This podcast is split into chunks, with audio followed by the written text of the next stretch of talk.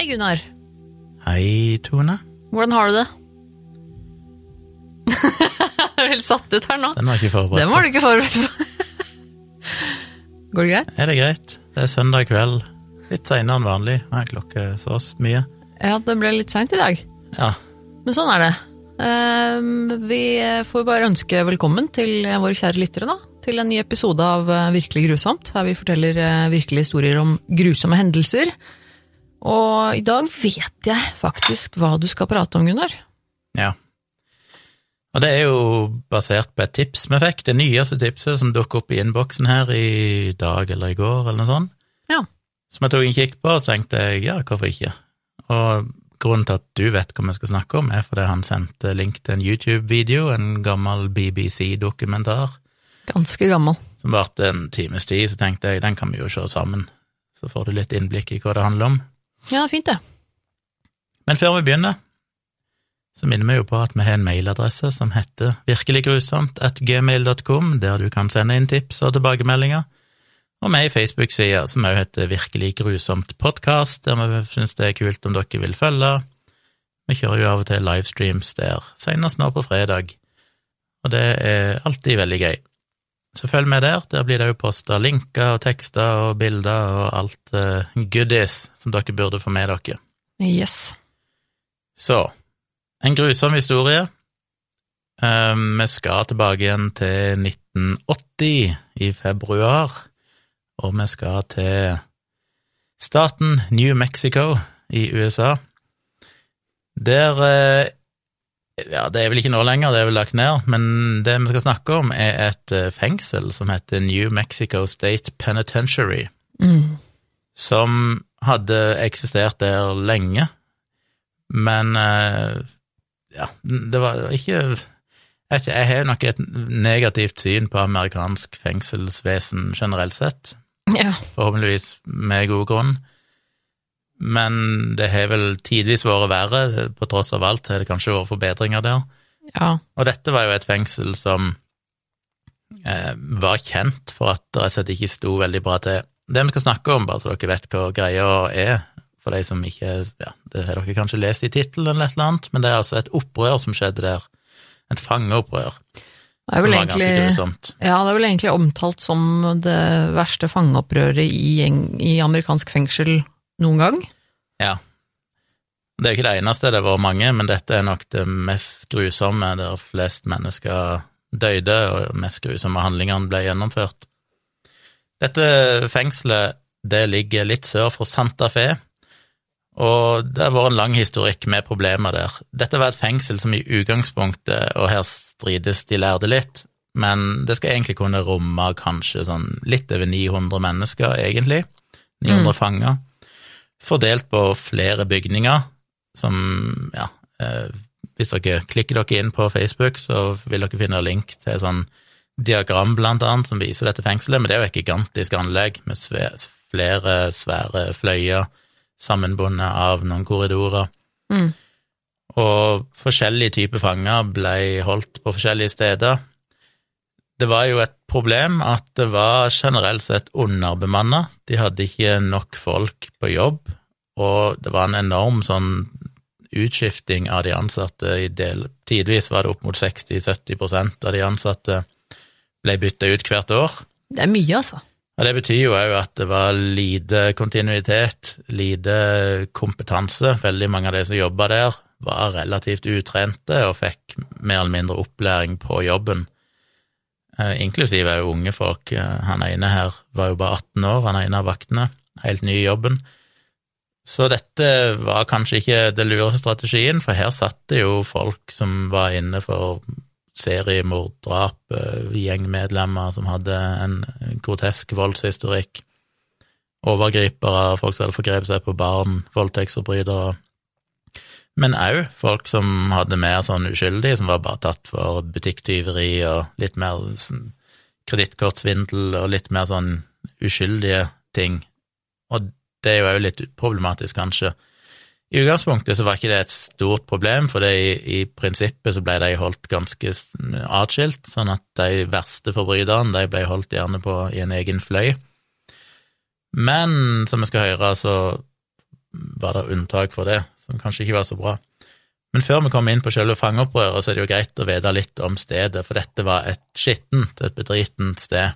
Ja. Det var nedslitt, det var overbefolka, de tok inn flere fanger enn det de hadde plass til, som gjorde at istedenfor at fangene fikk egne celler, så ble de ofte stua inn på noen sånne felles eh, sovesaler der det var senger til de fleste, men ikke til alle, så mange måtte bare sove på gulvet når de hadde for mange folk der inne. Jeg syns det høres altså så sært ut. Det, Ja. og det, når vi har sett bilder av dette her også, så ser det jo veldig spesielt ut. Det er jo liksom bare en sånn stor sal. Du kan se på en måte på sånn typisk sånn gamle barnehjem og sånn, hvis du får sånn, sånn Jeg fikk jo bilder fra Orange is the New Black.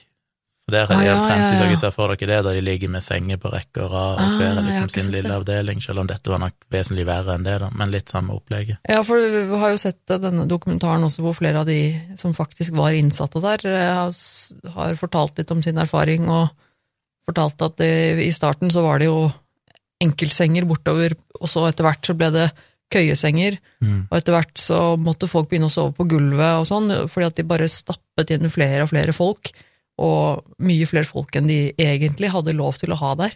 Det høres jo ganske vilt ut etter hvert, altså. Ja, det var skittent og forfallent, maten var visstnok helt grusom. Den var infisert av kakerlakker og mus, og fangevokteren der sleit jo med å holde kontrollen fordi at de var, de var for få på jobben, og de var egentlig ikke kompetente nok. Så en av tingene de gjorde, var jo blant annet at de innførte det de kalte for the snitch game, eh, altså tysterleken, som egentlig betydde at for å klare å holde kontroll på fangene der, så valgte de å sette fangene opp mot hverandre for å på en måte bruke dem til å, ja, å holde styr på seg sjøl gjennom frykt. Mm. Så det de gjorde, var jo at de gjerne tok folk eh, fanger som de trodde kanskje satt på nyttig informasjon i kriminalsaker. De ble gjerne trua til at de måtte tyste, de måtte fortelle det de visste. Og hvis ikke de gjorde det, så fikk de på seg en såkalt snitch eh, jacket, som jeg ser for meg en slags vest eller et eller annet som de fikk på seg, så de ble merka som at dette, denne personen er en tyster. Mm. Og i praksis da så ville du nok bli drept i løpet av ganske kort tid av de andre fangene. For det, det å være en tyster i fengselet er jo det verste som kan skje. Og du var jo egentlig helt hjelpeløs i fengselet med mindre du var assosiert med en gjeng. Altså kom du inn der som en fange og ikke hadde en eller annen gjeng eller en eller annen gruppering til å passe på deg, så levde du rett og slett ikke lenge. Men én ting er jo at fangene der inne var brutale, en annen ting er jo at fangevokterne sjøl var brutale. Mm. Det er jo rapportert mye og godt dokumentert i ettertid at uh, for eksempel når de flytta fanger fra en fløy til en annen, så måtte de kanskje gå ned ei trapp, og da gikk jo fangen gjerne med hendene i håndjern bak på ryggen, og fangevokteren hadde det åpenbart gøy med at når de gikk ned trappa, så var det nesten rutine at fangene ble dytta ned, så de trynte ned trappen ned til bånden, og der ble de gjerne sparka og banka opp før de ble ført videre. Helt forferdelig. Det er jo en hendelse der inne som eh, var ganske så grusom, der eh, de rett og slett Det var vel et eller annet slags opprør blant fangene som gjorde at eh, fangevokteren skulle hevne, hevd, hevne seg på dem. Så det endte de opp med å strippe ned ganske mange av fangene helt nakne, og sende de løpende gjennom en korridor, mens fangevokteren sto langs veggen med økseskaft og forskjellig og slo de mens de sprang gjennom korridoren. Herregud, altså. Så det var jo si, tortur av de innsatte av de amerikanske fangevokterne òg. Så det var mye misnøye blant fangene. Jeg mener, en kan si mye om det opprøret og de grusomme hendelsene dere skal få høre om, men mye av dette handler jo òg om at fangene der inne rett og slett kjemper for sine rettigheter. Ja, at de rett og slett ble behandla som dyr. altså De ble jo mishandlet, og, og bare det å ha Ikke bare det at de på en måte ble utøvd av fysisk vold mot av de som jobbet der, men også at de ble holdt i disse rommene som var eh, Altså det var for lite plass til dem, men også at det var forfallent, og de fikk dårlig mat, og det var Altså hele bygget var for dårlig. Altså det, hele Det er tydeligvis eh, Altså tydelig at de ble behandlet veldig, veldig dårlig. Men det hadde jo konsekvenser, da. Det var jo flere, det var jo et par fangeopprør tidligere òg, av mindre skala. men det var jo flere av fangene som etter hvert gikk til søksmål mot fengselet, blant annet en pågående sak da dette skjedde, som ble initiert av en fange som heter Dwight Duran, som opplevde at en av hans barndomsvenner som han hadde kjent altså hele livet, som satt inne, endte rett og slett opp med å bli drept av en av fangevokterne, og han skrev da en 99 sides håndskreven klage, en sånn eh, civil rights complaint, eh, til staten New Mexico, og det var jo da en pågående sak der, eh, som førte til mange rettssaker, og til slutt òg førte til forbedringer i det amerikanske, iallfall i det fengselet i den staten, vet ikke hvordan det var over andre plasser, men poenget var at det, skjedde ting, og det var flere situasjoner der rett og slett fangene Og dette var ikke den eneste saken, det var flere saker der fanger sjøl gikk til søksmål mot de som styrte fengselet, og mot staten og sånn, for de sa at dette ikke er levelige forhold. Dette er ikke bra, for å si det mildt. Mm. Så det var vel eh, kanskje nok kontekst som sier litt om hva som egentlig foregikk der inne. Ja. Eh, Nei, det er vanskelig å, å beskrive alt her med liksom hvor alle fangene var, og de forskjellige fløyene og sånn, så det kommer sikkert til å gå litt i ball, og det er ikke det viktigste. Mm. Men jeg kan si det som foranlediga hele opprøret, var at du hadde en fløy som var reservert for Du kan si det er to fløyer, eller to eh, avdelinger, som er viktige her. Det ene var i cellblokk fire. Der blei noen av de farligste fangene holdt, òg eh, i cellblokk 3. I cellblokk 4 så var det en del som var isolert av ulike årsaker, for eksempel fordi de hadde tysta, eller var involvert i en pågående ja, de hadde tysta på et eller annet, eller noe sånt, og derfor så var det en, en sak på gang, og de måtte beskyttes, for at de andre fangene ville jo ta de da. Det var jo blant annet én ganske ung eh, innsatt som eh, hadde blitt utsatt for gruppevoldtekt av medfanger der inne. Han var en ganske uskyldig fyr som bare hadde blitt satt inn for, for butikktyveri. Og han gikk jo da til sak, han òg, mot uh, disse andre fangene, og på grunn av det så måtte han òg beskyttes. Så, så, det var en del sånne folk som krevde spesiell beskyttelse, og da var isolert inne på forskjellige celler inne i, i celleblokk fire. Og som sagt, i celleblokk tre så satt noen av de verste forbryterne. Og her inne satt det jo folk fra Aryan Nation, altså en sånn eh, nynazistisk, eh, arisk eh, Ja, hvite folk som mener at ariske rasen er overlegen. Det var jo mm, andre typer gjenger der inne, så det var en del sånne grupperinger som allerede var i tottene på hverandre der inne, og veldig farlige. Og så hadde du òg cellblokk fem, der òg det satt en sånn max, som òg var en maximum security cellblokk. Jeg tror både tre og fem var maximum security, og fire var kanskje òg det, men det var spesielt for de som skulle beskyttes mot andre. Uh, og det som foranlediga mye av dette, var at cellblokk fem, der disse her ekstremt farlige fangene satt, skulle renoveres. De skulle fikse opp litt der inne, så da måtte de jo fjerna de som satt der, og putta de et annet sted. Fengselet var jo allerede overfylt. Det fornuftige hadde vel kanskje vært at de fordelte de litt, og putta noen i forskjellige celleblokker rundt forbi. Mm.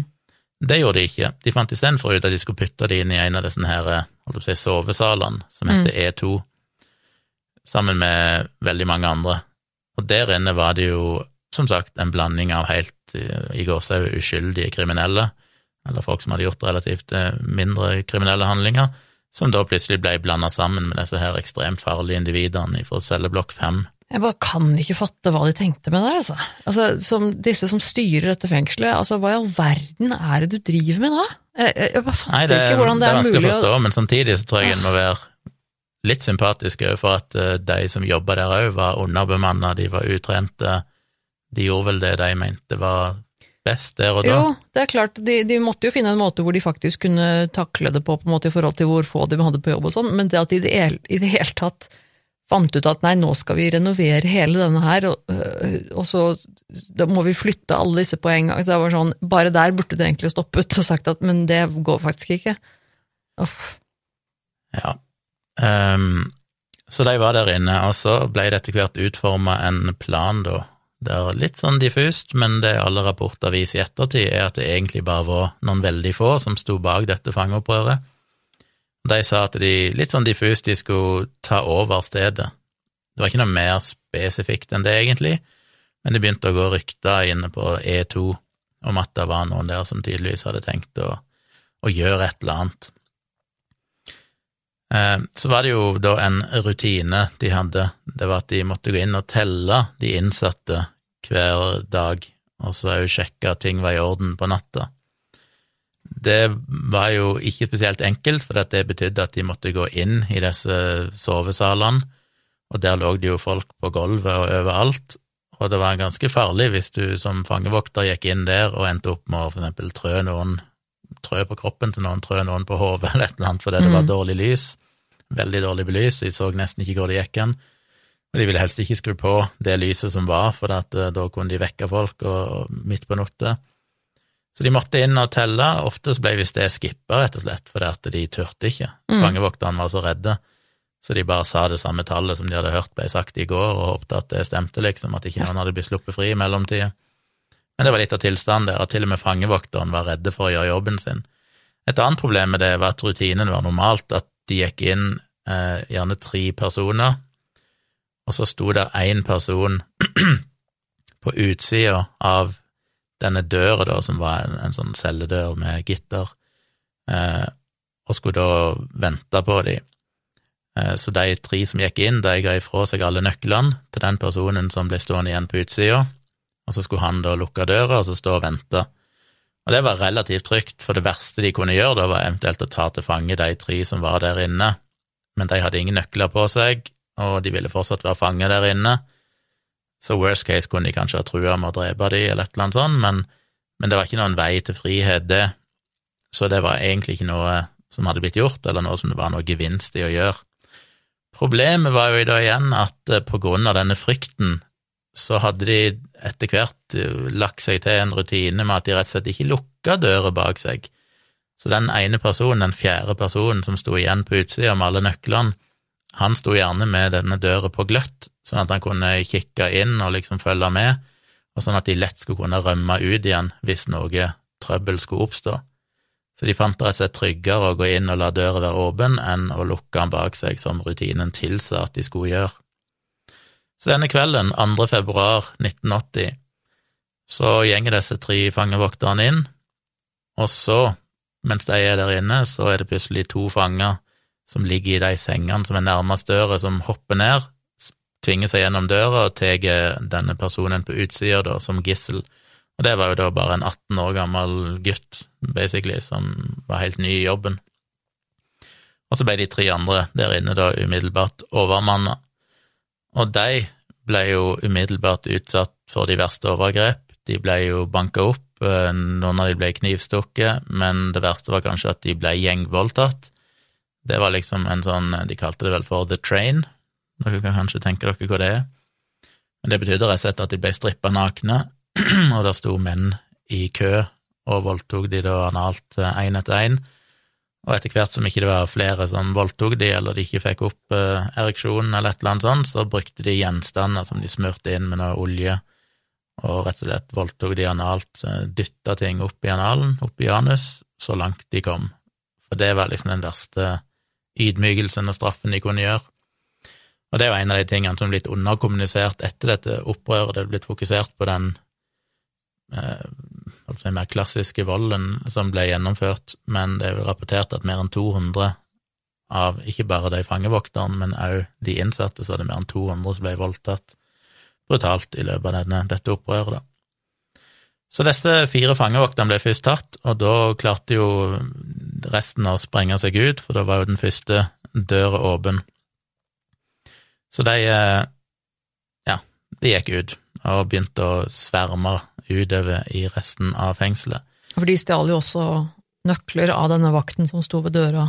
Ja, de hadde jo litt nøkler, men det var primært noen... bare til noen dører. Ja. Men det de hadde som hovedmål, det var jo å komme seg til dette kontrollsenteret, der, som var et sånn veldig strengt bevokta rom, der du hadde nøkler til alle dørene i hele fengselet, og det er jo sikkert noe elektronikk for å åpne og lukke dører elektronisk.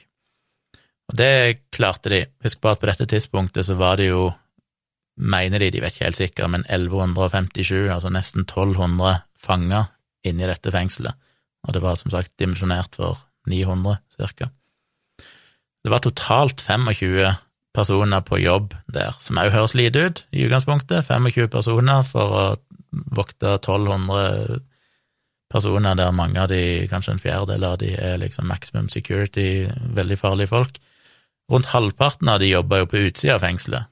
De satt enten i dette her et sånn overvåking, sånn vakttårn ved inngangen, eller de satt i biler rundt eh, og liksom vokta gjerdene og sånn rundt, så det var bare tolv personer som fysisk jobba inne i fengselet. Lite, altså. Det betyr jo én person per 100 fanger. Ja, det er jo helt Og det hadde vært greit nok hvis hver fange satt inn i hver sin celle, men når da kanskje liksom 100-200 er samla inn i ett rom, så er det jo en rar Ja, det er ikke rart eh, det går galt, og mange hadde jo advart om dette lenge, altså at dette her kommer til å eksplodere på et eller annet tidspunkt, for det er så forferdelige forhold. Det er så dårlig stemning mellom de innsatte og fangevokteren. De hadde jo òg, bare for å nevne det, eh, i 1975 var det vel, så hadde de jo fjerna alle sånne altså, positive tiltak som var fokusert på rehabilitering og sånn. Det ble rett og slett bare kutta, for de hadde ikke kapasitet til det, det ble for mange fanger der inne. Og det gjør jo ting bare mye verre, selvfølgelig, for det betydde òg at mange av fangene måtte være sperra inne store deler av tida på glattcelle, heller enn å være med i arbeidsretta tiltak og litt sånn som det eksisterte tidligere. Mm. Og jeg bør vel også nevne det, burde jeg ha sagt, men når det gjelder behandlingen av fangene, så var jo det vanlig at eh, en, en del av de ble satt på den type glattcelle som bare var et, ja, som navnet tilsier, ei glattcelle, Mm. uten noen ting inni, kun et hull i gulvet der de kunne gjøre fra seg. De fikk i beste fall kanskje ei brødskive og litt vann om dagen, av og til fikk de ingen mat. De ble dusja ved at eh, fangevokteren kom og spylte de med, med en hageslange, holdt jeg på å si, av og til. Eh, forferdelige forhold. Eh, Det som også er greit. forskjellen, sånn sett, fra glattcelle der og det vi på en måte kanskje ser for oss som glattcelle, var jo at de innsatte fortalte jo at de, de, det var jo helt mørkt. Det var, første så var det ikke noe Mm. vindu, det var ikke noe vindu i døra heller, og det var ikke noe lys der inne, så de satt jo i en glatt celle i mørket alene. Ehm, og det var ganske tydelig at han, han ene innsatte som vi så i det programmet, var ganske preget av den opplevelsen når han i etterkant gikk eh, inn i fengselet, som nå er åpent for besøk av publikum, da, for det er jo ikke i, i bruk lenger som fengsel. Han skulle fortelle om sin opplevelse og gikk inn, og han ble jo helt eh, gråtkvalt og måtte tørke noen tårer, for han fortalte at det var traumatiserende å bare sitte der og føle at du var slukt av et monster. Ja. Eh, og skrapet på veggene, og du, du, du blir på en måte helt, som de hadde kalt det, sensory deprivation. Mm. Altså, du, du har ingen sanser, du kan ikke se, du kan ikke høre noe, det var tett overalt, og, og det var- Det er jo Ja, det driver jo folk til vanvidd. Ja, det gjør det. Etter de hadde overtatt denne her eh, sovesal E2, så var det flere av fangene som sprang ned, kom seg gjennom en, eh, en port, og angrep flere vakter som satt der inne, og tok de til fange. De eh, stakk de med gjenstander og banka de opp. En av de klarte å rømme inn i en annen sovesal som heter F2, og der ble han beskytta av sympatiske innsatte som rett og slett passa på han. Og de klarte òg å sperre seg sjøl inne ved å, å dytte senger og sånn inn til døra, sånn at ikke de andre fangene kom inn. Mm. Så det er jo ganske påfallende òg i denne saken her, at det var mange av fangene, kanskje de fleste, var jo ikke med på opprøret, Mm. og det er visstnok beskrevet mange heltemodige hendelser der de gjorde sitt ytterste for å beskytte fangevokteren og sånn mot angrep. Ja, også at de fleste fangene faktisk eh, altså faktisk bare prøvde å rømme og komme seg unna, eller enten ut Ja, av fengselet, men også unna, unna situasjonen, da, som på en måte At de ikke ville være en del av, av mayhemmet, da, på en måte. Så i løpet av ganske kort tid, når de fikk tak på nøkler rundt forbi og begynte å låse opp, så hadde du til slutt eh, 500 fanger, som på det tidspunktet, da ganske tidlig i dette opprøret, var, var frie og begynte å bevege seg rundt om i fengselet.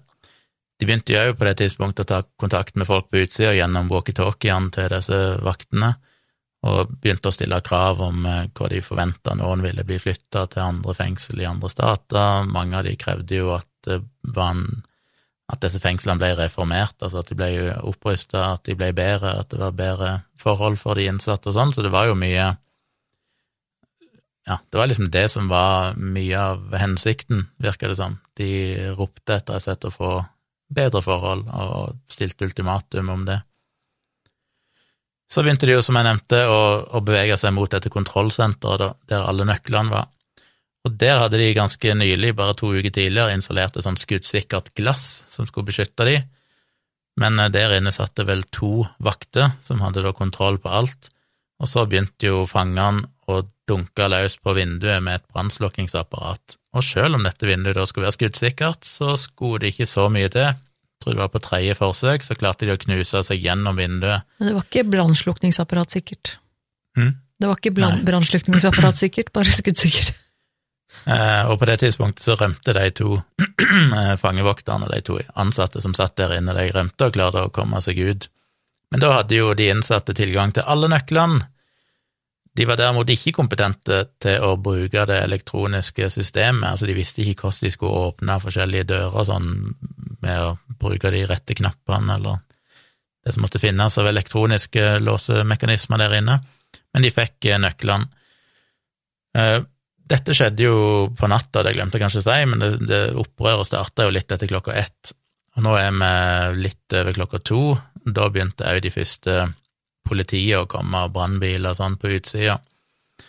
Eh, statlige politiet og ansvarlige folk for fengselsvesenet sånn begynte å dukke opp. Og da begynte de òg å snakke med de walkietalkie, som sagt, og prøvde å forhandle med de. De ble jo tidlig enige om at de ikke skulle gå inn i fengselet. Altså, politiet skulle ikke storme fengselet og prøve å stoppe dette. Og det er det jo vår diskusjon om i ettertid, men mange måter var nok det fornuftig på det tidspunktet, for det, de hadde jo ingen oversikt over hvor de forskjellige gislene satt, altså fangevoktere som var tatt til fange de hadde jo ikke noe oversikt over Altså, de fleste politiet på utsida hadde ingen oversikt over layouten på disse celleblokkene og sånn, visste hvordan ting var innvendig. Og etter hvert så brøt det ut brann. Mm. De gikk òg løs på rørsystemet, sånn at de begynte å, å, bli oversvømt av vann der inne. Så det var jo bare totalt mayhem, og derfor så fant de ut de ville holde seg på utsida. Og det var jo fordi de ble enige ganske tidlig med innsatte som sa at uh, de måtte love å ikke storme fengselet, så skulle de love at ikke de drepte noen av gislene sine. Så de mente jo at det var for å holde dem ute. Og det endte jo opp eh, i alt dette her at ingen av gislene ble drept, selv om de som sagt ble banka opp og voldtatt og alt mulig rart. Og det var jo som en sånn garanti, fordi de visste at hvis de drepte bare én av fangevokterne, så ville det utløse en storming, mest sannsynlig for politiet på utsida. Så det var jo det som holdt eh, mange av disse gislene i live. Eh, det ble starta branner, som sagt. De begynte å rive løs eh, alt som var røyr og sånn, sånn at det bare fossa vann overalt. Og på veien mot å storme rundt i resten av fengselet, så passerte de jo blant annet sykehusavdelingen i fengselet. Og der strømma jo fangene inn for å forsyne seg av medisiner. Ja. Og der gikk de jo, det var jo som å ja, som å komme til himmelen for mange av de, tror jeg, for de gikk jo bananas i å bare stappe i seg det de fant Sært, altså. av eh, medikamenter for å ruse seg sjøl. Og da alt dette her var over, så var jo 33 av de innsatte døde. Som jeg skal komme tilbake til snart, så ble mange av de drept på brutale måter. Men eh, mange av de døde rett og slett bare av overdose. Ja, tenkte det. De, eh, og det kan en jo si kanskje var dumt. Jeg tenker nok òg det er vel ikke umulig at mange av de gjorde det med vilje. Ja, kanskje. Eh, det er jo mange av de som hadde sånn 300 års fengselsstraffer og sånn, de visste at de kom aldri ut igjen. De har mm. levd under grusomme forhold, blitt utsatt for vold, hatt et helvete. Her er de muligheten til å få en smertefri, behagelig død, så hvorfor ikke bare gøffe innpå med det du finner av medikamenter? Så mange av de døde rett og slett av overdose i den situasjonen. Eller mange og mange, jeg vet ikke hvor mange det var, det har de ikke tall på, men de er sikre på at noen av de iallfall døde av overdose. Men veldig mange av de rusa seg, og de sopte òg sammen det de kunne finne av medikamenter i uh, sånne små kasser som de fant, så de kunne ta med seg ut og dele ut til de andre fangene der inne. Mm. De gikk òg løs på det de fant av dokumentasjon og sånne legejournaler og sånn, og satte fyr på det. For det er mye av de psykiatriske legejournalene og sånn ble jo brukt mot de for mm. å, å, hindre de fra å få prøveløslatelse og sånn. Ja. Så det var jo viktig for de å få brent opp det. Eh, De første som ble drept, var innsatte i celleblokk tre, og det var jo mye at her var det jo, som sagt, interne stridigheter. Det var gjenger mot hverandre, det var folk som hadde beef, um, en beef med andre allerede fra før de havna i fengsel, som visste at øy, der inne sitter det en eller annen fyr som jeg hater, han skal dø. Mm. Men òg som sagt disse i celleblokk fire, som gjerne da var folk som nettopp var beskytta ifra de andre fordi de var, hadde tysta eller hadde en pågående rettssak eller et eller annet sånt mot andre innsatte. Men de første ble drept i celleblokk tre, og ganske tidlig så ble jo administrasjonsavdelingen i fengselet tatt over av fangene, og der begynte de å gå gjennom dokumentasjon for å prøve å finne ut hvem som hadde tysta på de og sånn. De liksom leste seg gjennom papirer og sånn og prøvde å finne ut hvem de skulle ta. Mm. Og etter hvert så utkrystalliserte det seg en liten gjeng som visstnok var på 14 stykk, som ble kalt for The Death Squad, som hadde som mål at de skulle gå systematisk til verks og nå drepe en del folk de ønska døde. Så det begynte de på, men de satt jo da i denne celleblokk fire, og der hadde de ikke nøkler, de fant ikke nøklene til celleblokk fire. Men som dere husker, så ble jo celleblokk fem under renovering, og i den forbindelse så hadde jo håndverkeren der satt igjen noen sånne skjærebrennere, altså sånne gassdrevne flamme... ja, Ja, hva heter det egentlig? Acet- Acetylengass er det de bruker, et eller annet. Ja, sånn gassbrenner, rett og slett. Ja, sånn Sånne veldig gassbrenner. kraftige, veldig, veldig kraftige gassbrennere. Så da var jo noen smartinger som fant ut at det kunne de jo bruke til å skjære seg gjennom gitteret, og det gjorde de. Mm. Så utpå natta, denne natta, så begynte de sakte, men sikkert å jobbe seg inn i celleblokk fire. Og det førte jo til desperasjon blant de som satt der inne. Husk at det var jo inklusiv da han ene ganske unge fyren som bare hadde vært tatt for et tyveri, men hadde blitt gjengvoldtatt og da, vold, og da an, anmeldt noen av de andre. Var ganske uskyldige folk som da ble desperate og skjønte at ok, dette går ikke bra. Og de hørte jo bare da at ok, nå er de på vei inn, dette er folk som er her for å drepe meg. Så politiet på utsida sånn, de hørte jo fanger i celleblokk fire, sto jo og ropte og banka på vinduene og skreik etter at de måtte bli sluppet løs. De måtte komme og redde de.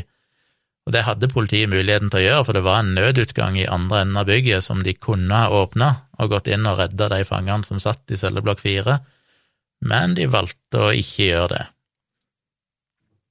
Og hvorfor gjorde de ikke det?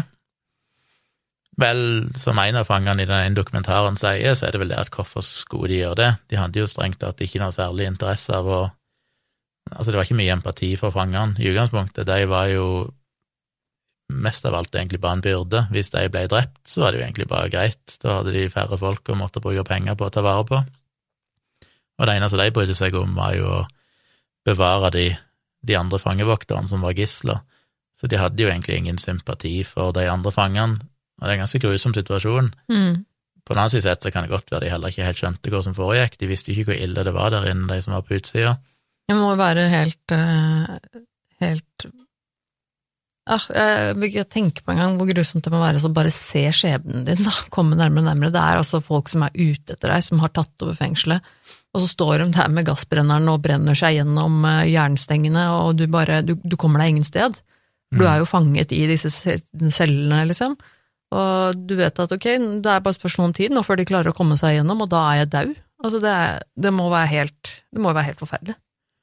Da klokka ble rundt sju på morgenen, så kom de seg vel endelig gjennom og inn i celleblokk fire. Og da kan du jo se for deg en gang, en klassisk som dere har sett i alle filmer, eh, egentlig en gang med celler på hver side av gangen, og der begynte de jo da systematisk å jobbe seg gjennom. Men de hadde jo ikke nøklene til de enkelte cellene, som sagt, så de måtte jo brenne seg inn med skjærebrenner da gjennom gitteret på alle. Og det er jo òg en ganske grusom situasjon, for at eh, da satt jo de andre på cellene og bare venta på sin tur, mens de da brukte ganske lang tid, det tar sin tid å skjære seg gjennom. Så de brukte noen timer på det og systematisk skjære seg inn på ei og ei celle, eh, og så drepe de de da ville drepe. Og der inne ble vel tolv personer innen klokka var halv ti på formiddagen, så hadde de klart å drepe tolv av de. Og det var nok de tolv som mer for sånn primært er de som ble systematisk drept, altså som ble drept fordi de ja, ville det. Det var jo totalt 33 som ble døde totalt, noen overdose, og noen i andre Noen ble forgifta eller gjennom karbonmonoksidforgifting og sånne ting. Men disse tolv ble liksom systematisk drept, og de ble jo drept på de mest grusomme måtene. For Mm. dette var jo litt som de stakkars fangevokterne og andre fanger som ble brutalt uh, voldtatt, for at det er ikke nok å drepe noen, du skal liksom ydmyke dem, du skal hevne deg. Så her var det jo snakk om grov tortur. Mm. Så her er det jo folk som eh, Kanskje den verste av de var vel han som det ble brukt skjærebrenner. De holdt han opp foran et vindu, og dette ble jo observert av politi og folk på utsida, at Mm. de så en mann som ble holdt opp foran vinduet, og så ble det brukt skjærebrenner på hodet hans, i ansiktet hans, brant ut øynene hans, og ganske kort tid etterpå så eksploderte hodet fordi oppvarminga fikk vel hjernen til å koke, og trykket innvendig bare fikk ho- hodet til å eksplodere. Utrivelig måte å dø på. Det skjedde òg med flere av de andre, de ble brent i hæl med skjærebrenner. En av de fikk jo en av disse jernstengene som de hadde skåret av gitteret, som fortsatt også var glohett. Det ble rett og slett banka gjennom skallen hans fra ett øre til det andre. En annen øh, fikk Da tok de barberblad og de skar over begge øyelokkene hans, sånn at de ble revet av, og så skar de ut øynene hans, eh, sånn at de ble hengende ned på kinnet, kinnene, og så vekte de han til live igjen, eller vekte han til bevissthet igjen med luktesalt, sånn at han var våken, og så, ja, hva mer var det de gjorde? De fortsatte iallfall å torturere han på de mest grusomme måtene, eh, til han døde. Så det var liksom ikke måte på. Det var en annen som fikk hodet kappa av. Mm. Flere fikk jo, eh, flere, flere fikk jo strupen skåret over og ble gjerne hengt. En av de fikk jo et tau bundet rundt halsen og kasta utover et sånn gelender, sånn at hodet mer eller mindre ble revet av. En ble jo hengt opp utvendig på et eller annet tidspunkt. Nei, det var kanskje inne i gymsalen, på en sånn basketballnett. Eh, og der fortsatte jo bare folk å banke han opp og liksom skjære i han til at når liksom dette her var over, så var, var det jo bare en kjøttklump som hang igjen. Han ene, som òg eh, jeg nevnte tidligere, han ganske uskyldige unge fyren som eh, satt inne etter å ha blitt gjengvoldtatt og anmeldt folk, som satt i denne beskyttelsescelleblokket, han ble jo da òg fikk struben strupen skåret over, ble hengt, så skar de av han kjønnsorganet og stappa det inn i munnen på han, og det var sånn han ble funnet dagen etterpå. Så grusomme, grusomme scener som utspilte seg der inne. Og de, eh, bare de fangevokterne også, som var holdt som gissel, ble jo truet og banket opp, selvfølgelig, men eh, han ene beskriver jo også at, de, at det var en av dem som En av de andre, en av fangene, da, som, som kom med et, et hode, altså Ja. som kom bærende med på et menneskehode, og dytta det opp, liksom opp foran dem og liksom for, å, for å skremme dem og vise dem alvoret i situasjonen og for å på en måte true dem. Og han kjente han fangevokteren, fangevokteren kjente jo igjen den, det hodet, altså hvem, hvem det hadde vært. Mm. Jeg bare tenker at det, det må jo være helt ekstremt. Og, Han ble jo etter hvert båret ut, eh, denne fyren som ble, fikk ho- hodet skåret av. Da bar de han ut på ei båre mens hodet var plassert liksom på lårene hans, eller mellom beina. Og det var det jo ganske mange, både i pressen og politiet og sånn, som bevitna, og det var jo en av de tingene som mange ja, som traumatiserte mange av de som observerte Mm. dette i ettertid. Ja, det er jo helt ekstremt. Det begynte jo å komme mye familiemedlemmer til de innsatte, og det var jo protester sånn på utsida med plakater med at liksom innsatte er jo mennesker. Mm. Um, så, og, ja, det var flere av de innsatte som fikk tak på telefonen òg, tror jeg, og ringte både til familie og til uh, myndighetspersoner rundt forbi og fortalte dem hva som var i ferd med å, å skje. Og mange klarte etter hvert å rømme ut gjennom eksempel knuste vinduer, så på et eller annet tidspunkt eh, da det hadde vart ei stund, så satt det vel så mange som 800 av de innsatte satt til slutt på utsida, liksom på plenen, eh, inntil gjerdene, og ble passa på av politiet, mens det fortsatt da var noen hundre mennesker inne, og totalt mayhem. hjem. Det ble jo satt av brann, som sagt, inn i en sånn gymsal, og det ble, var jo blant annet i tillegg til at de brant opp disse her eh, legejournalene og, og ting de fant, Så brant de òg opp lik, så de kasta lik i en haug inn i denne gymsalen etter hvert som folk ble drept, og satte fyr på de. Og det gjør jo at det er noen som mener at det kanskje er enda flere som ble drept enn de offisielle tallet, men at det var ikke så lett å egentlig finne ut av det, hvem som egentlig ble drept, for det mange av de var nesten umulig å identifisere òg i ettertid, for de var så grovt vansira og mishandla. Ja, også det at de faktisk ikke hadde eksakte tall på hvor mange innsatte Ja, som var i fengselet. Det er også, bare det syns jeg er ganske vilt. At det var, det var på en måte ikke noe struktur og orden her i det hele tatt. Det her var jo helt begredelig sted å, å plassere folk, og de, at de faktisk ikke visste nøyaktig hvilke, hvilke antall innsatte de hadde i fengselet totalt sett. Det er jo helt eh, krise. Det er jo klart at da er det jo vanskelig å si om eh, nøyaktig hvor mange som ble drept, da, hvis de faktisk ikke kan redegjøre for alle sammen i utgangspunktet. Nei, altså i teorien så finner du jo likene av de da, men det er kanskje vanskelig hvis de er nok eh, oppbrent, mm. eh, og skiller de fra hverandre og finne ut hvor mange som er der. Men rundt 33 personer endte jo opp med å bli drept.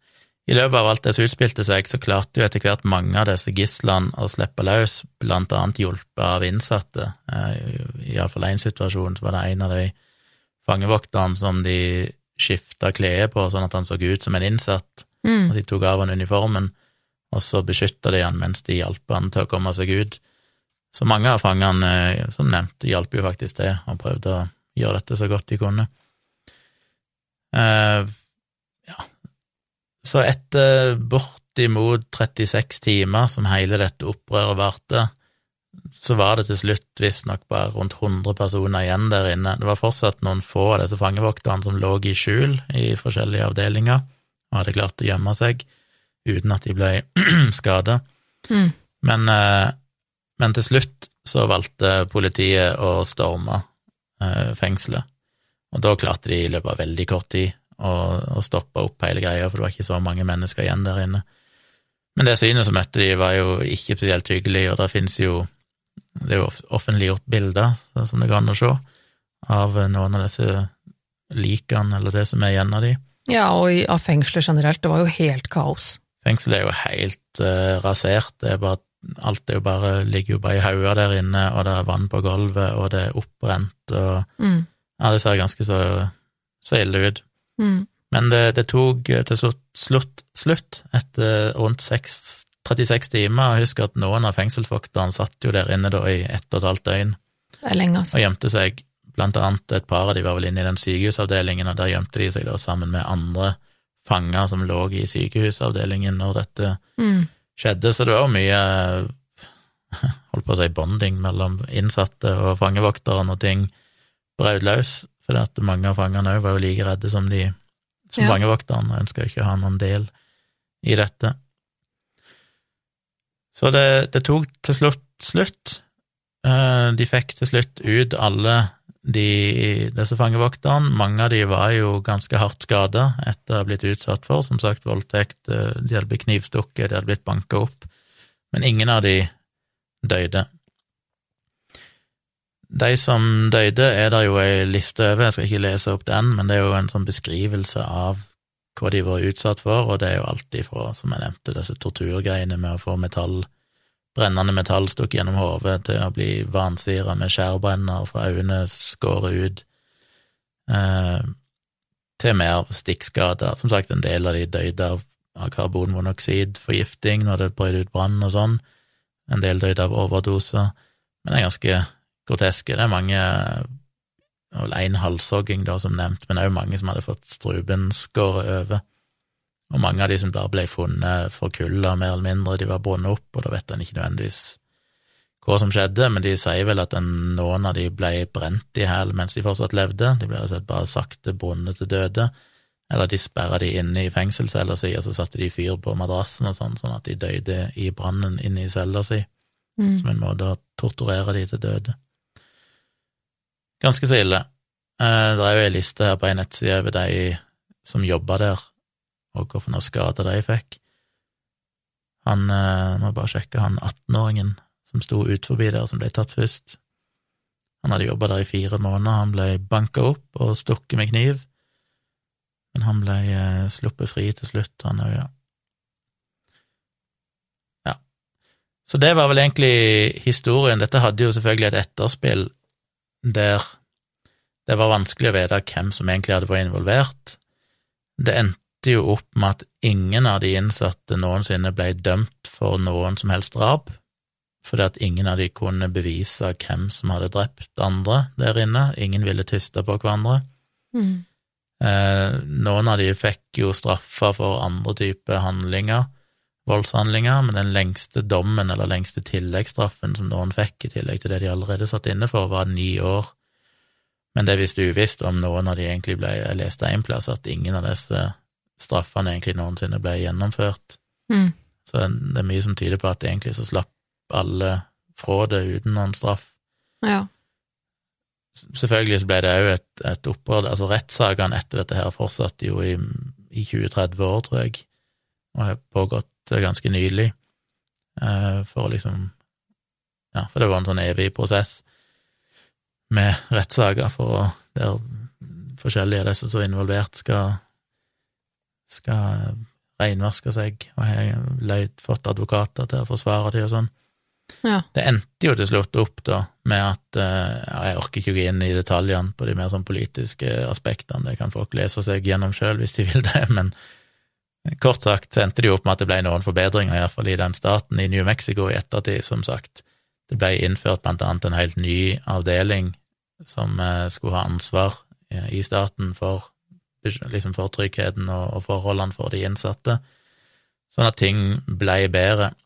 Men til og med i det fengselet, dette New Mexico State Penitentiary, så ble det jo ingen forbedringer i starten, sjøl når de da etter en stund ble satt i drift igjen, etter de hadde fått uh, renovert litt og det var trygt å ha inn fanger der igjen, så ble det visstnok videreført i omtrent samme hårreisende dårlige tilstand som det var. Fengselet ble vel til slutt stengt helt på 90-tallet en gang, og så lå det vel brakk helt fram til 2013 eller noe sånt, tror jeg det ble åpna for turistomvisninger. Mm. Så nå kan du, kan du reise der og få en omvisning hvis du har lyst til det. Ser ganske falleferdig ut, altså. Ja, det er jo en del YouTube-videoer der folk eh, filmer der inne, de får på omvisning, Mm. så det går an å se. Så dette var jo et varsla, og det er jo kanskje det som er i en del andre saker vi snakket om tidligere òg, så er det bare fortvilende, for det er jo ting som folk visste Mm. kom til å skje. Det er forsømmelse av ansvar, det er for lite penger, det er alt mulig. Um, de hadde jo pågående flere sånne, jeg husker ikke hva det heter, men, men påbud om at de skulle gjøre forbedringer i det fengselet.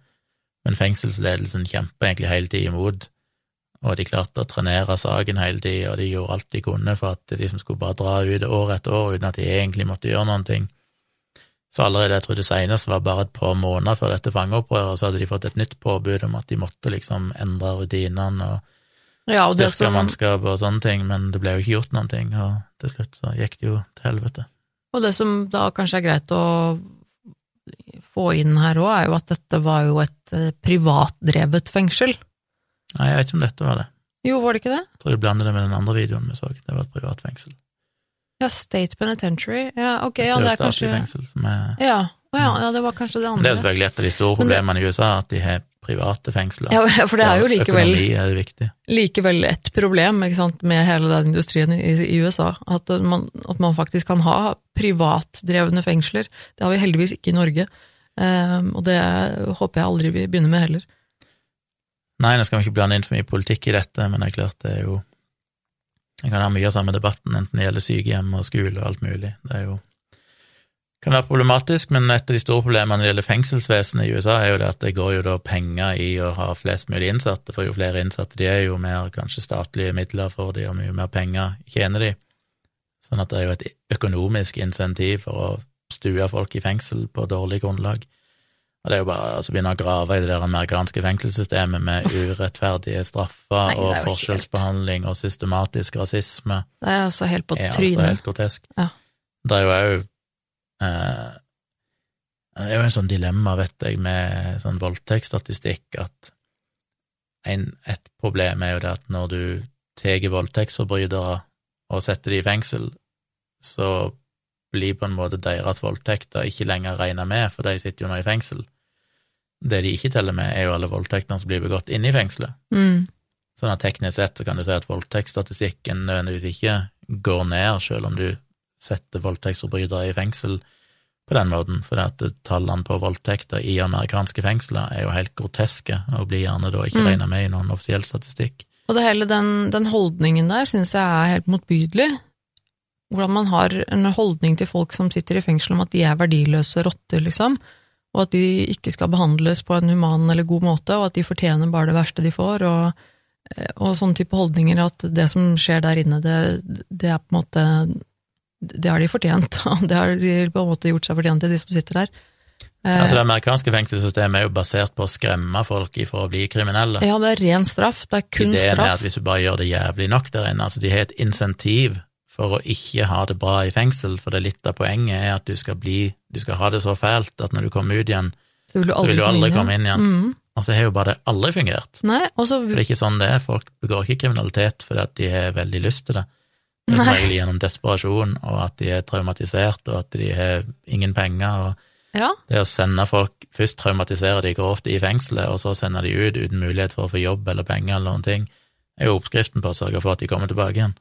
Og det er eh, Det er jo en, en ting som jeg syns at vi er veldig gode til i Norge, som, som jeg merker som norsk eh, statsborger, at jeg er litt eh, stolt av det straffesystemet og, og altså, hva skal jeg si, hva, hva heter det, altså fengselssystemene og det som vi har i Norge, hvordan vi som stat har fokus på det å rehabilitere folk. Og selv om mennesker har begått grusomme handlinger og er straffedømt for de mest eh, fæle eh, forbrytelsene, så har vi fortsatt eh, beholdt det prinsippet om at de skal behandles som mennesker, og de har fortsatt noen grunnleggende menneskerettigheter. Og det, det er altså så viktig for at vi i det hele tatt skal kunne opprettholde og ikke få en sånn stat som de har i USA.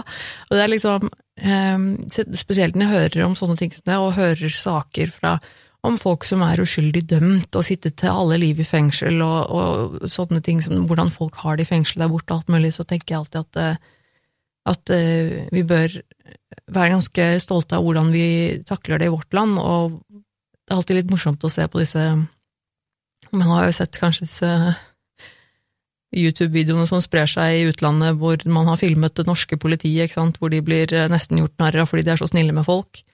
Eh, og hvordan norske politiet på en måte eh, behandler folk som, som mennesker og med respekt. Og, altså, nå, og nå skal jeg likevel si at det selvfølgelig finnes det mange dårlige unntak og osv. osv. i Norge, men poenget er likevel det at vi, at vi har det prinsippet at vi skal behandle folk som mennesker. Det tror jeg er uhyre viktig i alle ledd og med alle folk. Ja, det er iallfall vårt prinsipp, og vi er jo selvfølgelig fortsatt forhåpentligvis veldig bra i sammenlignet med mange andre land, men uh, dette er jo bare hearsay, holdt jeg på å si, men jeg har jo en, en følger som har vært med i en, en del av livestreamene mine og kommentert, og han sier jo at han, jobb, han er jo sjøl fangevokter i Norge, i et norsk fengsel, og han sier jo det at det var en betydelig nedgang i kvaliteten de siste årene under Mm. Erna-regjeringa, der de har kutta veldig mye i det som tidligere, det fokuset de hadde på rehabilitering og behandling, Mm. har de siste årene begynt å forvitre i Norge òg. Og det samme Det ser vi er dritskummelt Ja, det er det. hvis en skal begynne å spare penger på sånne ting og tenke at det er ikke så viktig. Ja, det er- det er altså det er veldig så skummelt. farlig, og det, der må vi aldri komme. Og det samme har vi jo sett også i psykisk helsevern. Ja. Og det er, det er virkelig, virkelig skummelt, eh, og det har potensielt så store konsekvenser. Det syns jeg er eh, Ja, det er jeg helt enig i, det syns jeg er veldig, veldig skummelt, og håper jeg vi får snudd litt på. Ja, nå vet jeg ikke om det er blitt verre innenfor psykisk helsevern. Jo, det er det. Altså, I den forstand at det er blitt eh, vanskeligere å få hjelp, og det er blitt færre døgnplasser, det er blitt Ja. Jo da, det er, det, er, er nedprioritert, rett og slett, da.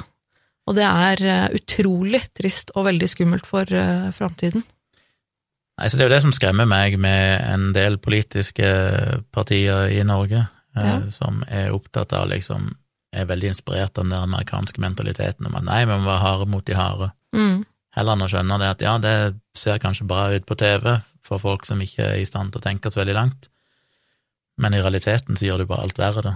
Det som er fornuftig, er jo å se på alle som mennesker, behandle mm. de med empati, Gi de følelsen av å ha verdi og kunne bidra konstruktivt til samfunnet når de kommer ut igjen.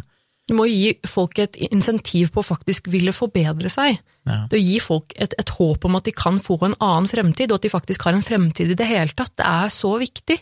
Og det å huske at eh, folk som er kriminelle, her er det selvfølgelig alle typer, men mange kriminelle er jo ikke det fordi de bare har lyst til å være jævlige. Det Nei, er jo nei, en nei. historikk, det er, tra det er traumer i livet, de har ikke hatt det så bra, det er fattigdom, det er mm. mye, og heller da prøve å se at på mange måter så kunne vi alle vært i den situasjonen. Dette er ikke onde og gode mennesker, dette er jo Vi må prøve å gjøre det best mulig for flest mulig, og se på alle som likeverdige. Jeg håper at vi klarer å fortsette med det i Norge, for det er jo en av de tingene jeg tenker som har vært viktig Det er mye for oss. har At vi har, ja, at vi har, at vi har det så bra i Norge, at, at vi har eh, det, det tror jeg er mye av grunnen. Det er den mentaliteten om at vi er eh, opptatt av det å behandle folk som mennesker. Så en kan gjerne si at dette fangeopprøret her var forferdelige mennesker som gjorde forferdelige ting, og det var det jo. Det var en hard kjerne der inne som helt åpenbart eh, I den dokumentaren så intervjuet jo en av de som var en del av denne Death Squaden, mm. de 14.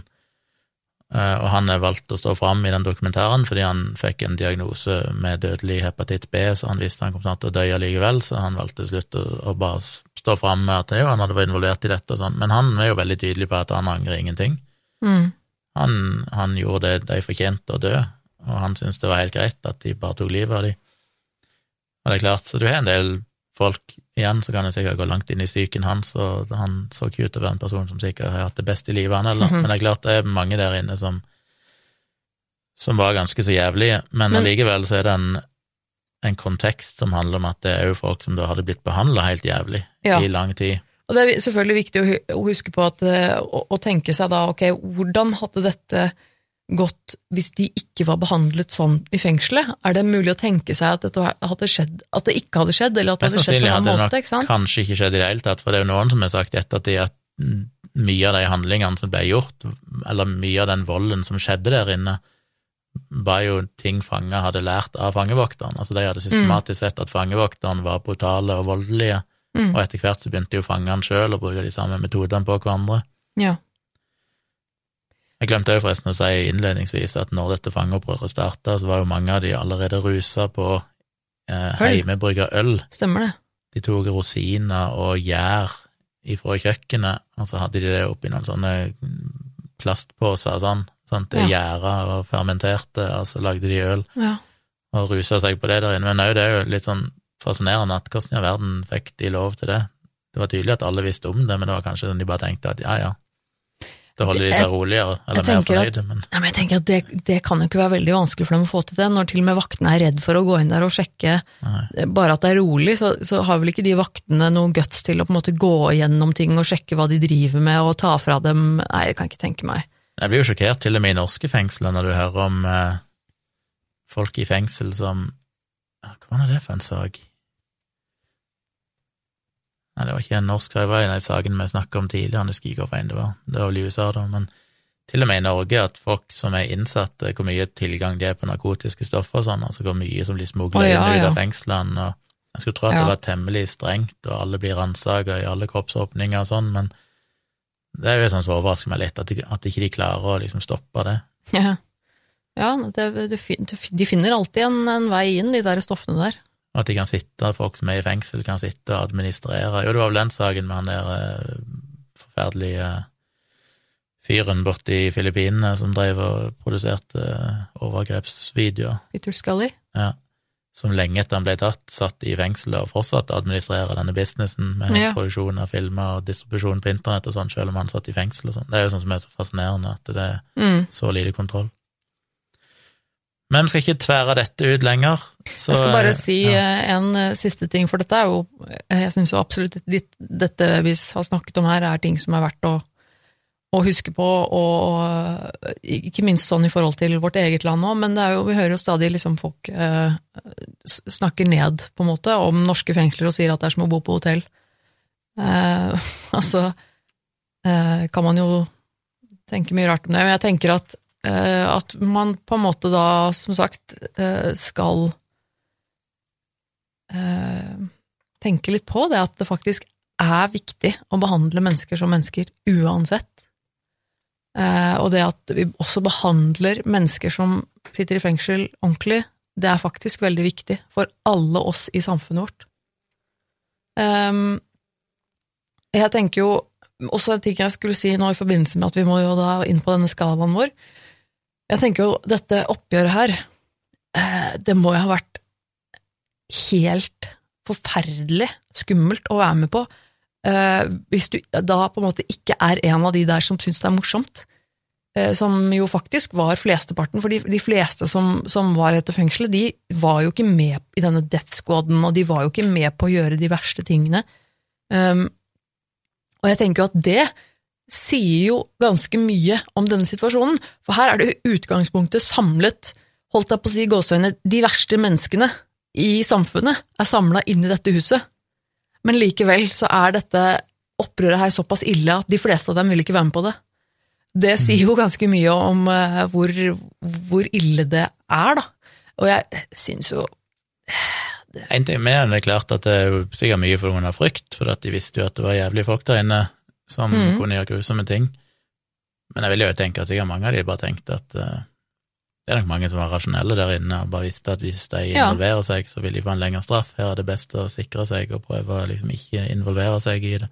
Ja. Mange av de hadde jo kanskje straffer som ikke var så lange. De skulle ut om et seks måneder eller ut om to år og tenke at jeg vil ikke risikere ja. Så det er nok òg mye bare sånn taktisk, eh, kan jeg tenke meg, alle grunner til at de ikke vil være involvert, men jeg tenker jo at Det har jo alltid vært min frykt, hvis jeg hadde vært i USA og så blitt tatt for et eller annet Mm.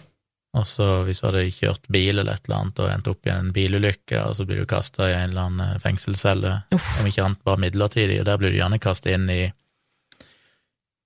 Det er det som er jail, er det ikke det? Jo. Ja, i jail. Jail er jo det de, vi i Norge kaller for uh, varetektsfengsling. Ja. Og prison er, det, er, jo det vi kaller fengselsstraff, ja. Men når du blir hevet inn i, i varetektsfengsling, så sitter du gjerne på et rom da med alt mulig slags andre Jeg tror det. potensielt ganske skumle folk. Alle mulige typer ja, som har gjort mye rart, liksom. Jeg hadde jo strøk, hadde, jeg blitt hevet inn i et sånt fengsel, så hadde jeg strøket med umiddelbart. Jeg tror ikke jeg hadde stilt opp mot de fleste av de heller, altså. Nei, for jeg hadde blitt så irritert, for jeg syns jo det er så barnslig, det der, der med ja. æreskode og rangordninger og sånn. Jeg hadde jo bare, jeg hadde ikke klart å forholde meg til det. Jeg hadde bare sittet himla med øynene, så hadde jeg garantert fått meg en på trynet med en gang. Jeg hadde virkelig ikke vært lenge der inne. Nei, Men det er min frykt å være i et annet land, og så havne i et fengsel. Ja. Og igjen, altså, vi skal være ganske takknemlige for at vi bor i Norge, og at vi har Det aller største frykt, tror jeg, det er å reise til et av de der strengeste landene med narkotikalover, og så ja. at noen putter noe i sekken din uten mm. at du vet det, og så havner du plutselig på livstid i fengsel i Thailand eller ja. et eller annet sted. Å, oh, fy fader. Oh, det er sånn at jeg bare av og til ikke får lyst til å reise ut av Norge. For det er, sånn, ja, det er skummelt, ass. Eller Saudi-Arabia. Ja, enda verre, kanskje. Plutselig blir du, iallfall hvis du er kvinne, ja. blir voldtatt, og så ender du opp i fengsel sjøl. Ja. Det hadde vært usømmelig. Tenk deg det. Det var jo helt utrolig. Det er mye rart. Så. Men ja, vi må ha en uh, grusomhetsskala Ja, jeg syns denne her er ganske grusom. Uh, for jeg, jeg, må liksom se på alt dette her i ett. All frykten, alle menneskene som ble utsatt for vold, uh, og ikke, ikke, nødvendigvis ble de utsatt for vold alle sammen, men de blir nok uansett veldig redde. Og, og, og dette her og det var jo mange mennesker som ble drept, og som ble drept på veldig brutale måter. Uh, nei, som, som jeg, jeg, sa det, jeg tror jeg sa det kanskje, men bare for jenter, rundt 200 endte vel opp med å bli skada i den situasjonen. ja, to, 200 ble skadet, og 33 cirka 33 døde, ble, ble, drept. Ja. Um, og det er, det er, mange, og det er, mange, det er mange mennesker. Uh, og det er uh, Jeg tror det som er unikt med denne historien, sammen, jeg tror ikke vi har fortalt andre ja, ja, det er jo selvfølgelig et definisjonsspørsmål, men det er et eller annet med det systematiske, det å gå ifra celle til celle, og så ja. bare torturere og drepe én og én mens ja, de andre venter. Det er litt sånn unikt. Ja, den, der, den torturen med å bare vente og bare se at nå kommer skjebnen min, liksom, for nå, nå tar de meg. Nei, det må være helt, uh, helt for jævlig. Så jeg, jeg tenker at uh, som en helhet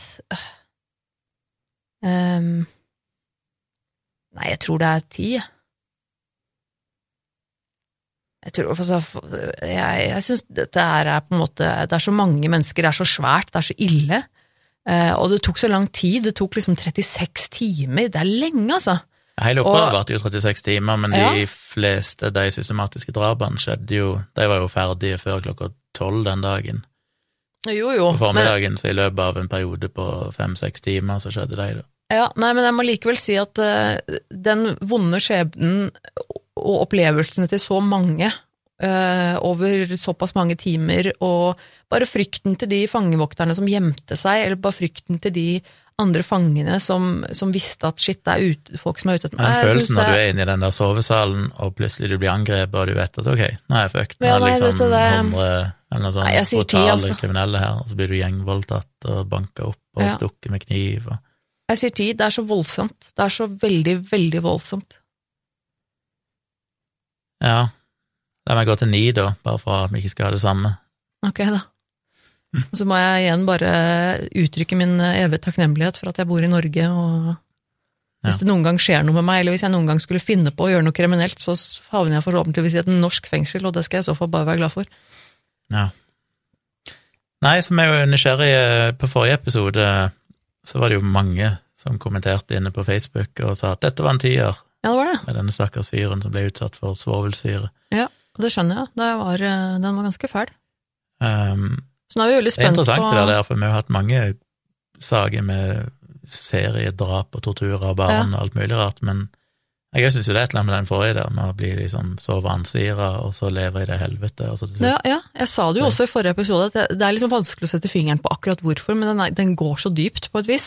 Den stikker så vondt. Mm. Det er, eh, ja, Det er lettere å forholde seg til den, kanskje, Ja, enn et kanskje fangeopprør i 1980, men eh, Kanskje det, men jeg er veldig spent på å høre fra, fra lytterne våre nå. Vi eh, poster jo dette her, eh, post, dette her er postet vår.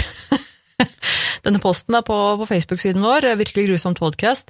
Jeg lager et bilde med en liten kollasj av noen, noen bilder jeg finner, som kan illustrere litt hva som skjedde, og ikke minst linkene som legger til i posten her, kan også være interessante for noen av dere å sjekke ut. Og så vil vi jo gjerne at eh, du som har hørt episoden, kommenterer eh, på posten her, da, og forteller gjerne hva du syns om episoden, hva du tenker, og hvor du rangerer denne på din grusomhetsskala. gå inn i podkastappen din eller på Spotify og gi oss gjerne fem stjerner. Det setter vi alltid pris på, og hvis du kan kommentere inne på podkastappen din, så kommenter gjerne der når du gir stjerne. Skriv en hyggelig vurdering, en hyggelig anmeldelse av podkasten. Det betyr mye for spredningen. Ja. Og ikke minst tips dine venner og bekjente, og del gjerne episoder på Facebook og Twitter og alle plasser, sånn at andre òg blir oppmerksom på podkasten. Det er noe med det at eh, vi er tross alt bare en eh, liten eh, selvstendig podkast som gjør all jobben sjøl, og vi må jo konkurrere med alle de store aktørene som NRK og VG og sånne ting, som, som folk får betalt for å, å lage podkast. Vi, vi er litt avhengig av dere lyttere der ute, at dere hører på og sprer ordet og osv. Så, videre. så vi setter stor pris på alle dere som hører på hver uke. Yes, men da runder vi av for kvelden, og så er vi tilbake igjen neste uke Ja. med en ny grusom historie. Så takk for at du hørte på. Ha det bra!